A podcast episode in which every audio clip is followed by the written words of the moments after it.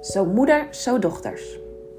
Ik ben Sanne, moeder van drie jonge kids. Ik ben getrouwd met Hans, de meest lieve man en papa die er bestaat. Wij geloven in God en zijn blij met het leven dat Hij ons geeft. Met ups en downs voeden wij onze kids op. En geloven wij dat opvoeden leuk is, ook al voelt het soms niet zo. Met deze podcast hopen we jou wat tips en ideeën te geven en vooral te laten weten dat opvoeden met vallen en opstaan gebeurt. Mama, wanneer is COVID-19, corona nu eens klaar? Sarah zit achter in de auto en kijkt een beetje beteuterd. Wat is er? vraag ik haar met een rustige toon. Oh mama, ik wilde zo graag naar die IKEA. Ik had zo'n zin in vleesballetjes en ik wilde zo graag iets nieuws uitzoeken voor mijn kamer. Ik begrijp de frustratie van Sarah en dat ze teleurgesteld is.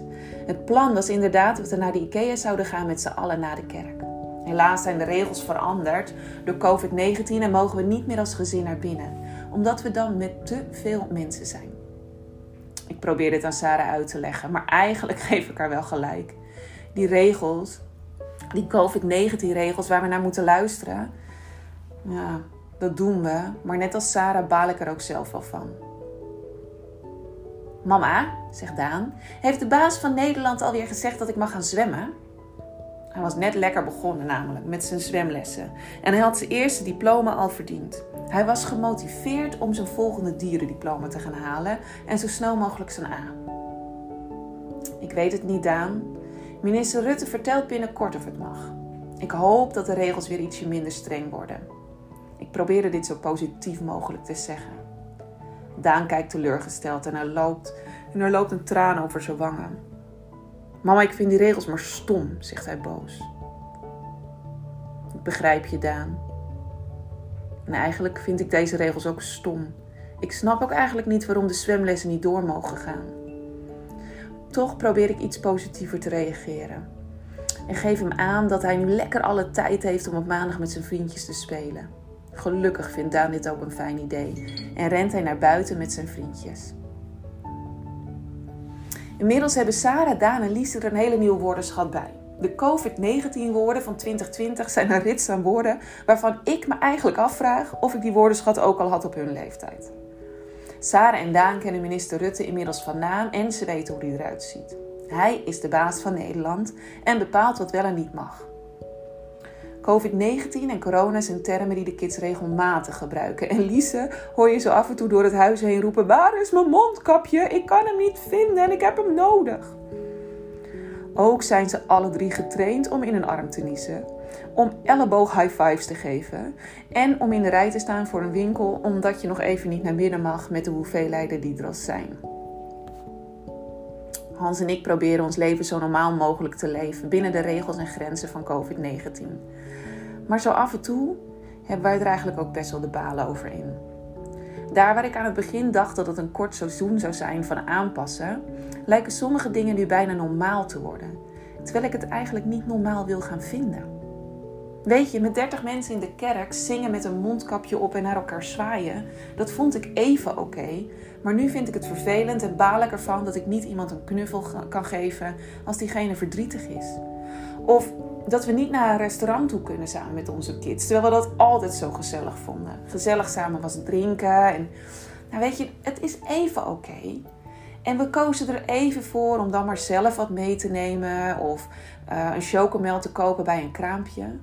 Maar inmiddels wordt het koud en vind ik het eigenlijk niet zo leuk meer. Ook komt Sinterklaas eraan en is het bijna kerst. En bij ons zijn dat echte familiefeesten. Ik heb twee broers en twee zussen. Allemaal hebben ze aanhang. Dus als wij samen zijn, is het huis altijd vol. Ik keek altijd met heel veel plezier uit naar die tijd. Gezellig samen in een vol huis Sinterklaasavond vieren en grapjes maken. Of aan een mooi gedekte tafel met kerst zitten en genieten van het eten dat mijn vader had gemaakt. Samen met Sarah en Daan ging ik naar de grote Sinterklaasshow en hadden we kaartjes al ver van tevoren gekocht. Of gaven we ons op voor een hele leuke kerstavonddienst waar de kinderen ook een speciaal aanbod hadden voor hen. Dit allemaal is er niet meer. Geen Sinterklaasavond aan een grote lange tafel kerst vieren of überhaupt met een grote groep samen zijn. Naast dat Hans en ik ervan balen dat spontane leuke dingen niet zomaar meer kunnen, vind ik het eigenlijk nog moeilijker dat ik geen antwoorden heb voor mijn kids. Ik weet namelijk niet hoe lang dit nog allemaal gaat duren. Ik weet niet waarom de keuze is gemaakt om de zwemles tijdelijk te stoppen of de horeca te sluiten. En ik weet niet of het straks voorbij is als de mensen de optie krijgen om zich te laten vaccineren. Eigenlijk weet ik ook niet of wij ons wel of niet laten vaccineren op dat moment dat we mogen. Ik weet niet welke invloed COVID-19 gaat hebben op de ontwikkeling van Sarah en Daan en Lise, op hun school, op hun beeld van de wereld. Ik weet niet hoe de economie zich straks ontwikkelt en welke invloed dat heeft op ons gezin. Ik weet eigenlijk niet of we straks weer in volle kerkzalen zitten en de kids hun vriendjes dan weer allemaal tegelijk kunnen zien. Ik weet niet waarom de vader van het vriendinnetje wel ziek is geworden en waarom de juf bijvoorbeeld niet ziek wordt.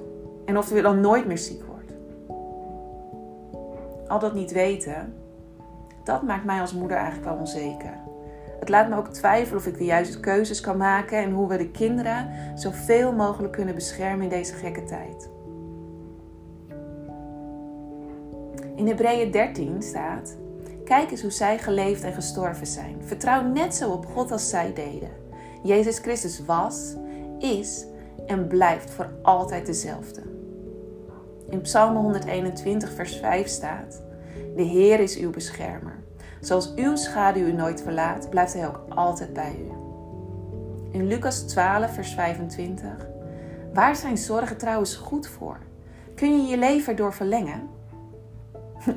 Af en toe ben ik zo blij dat Gods woord echt tot me kan spreken. Dat de Bijbelversen die ik op dat moment nodig heb, zomaar opeens plotseling in de devotional tekst van die dag staan.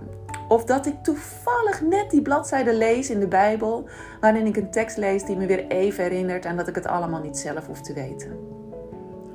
Teksten die laten weten dat mijn Vader in de hemel dit lange COVID-19 seizoen al lang had had aankomen.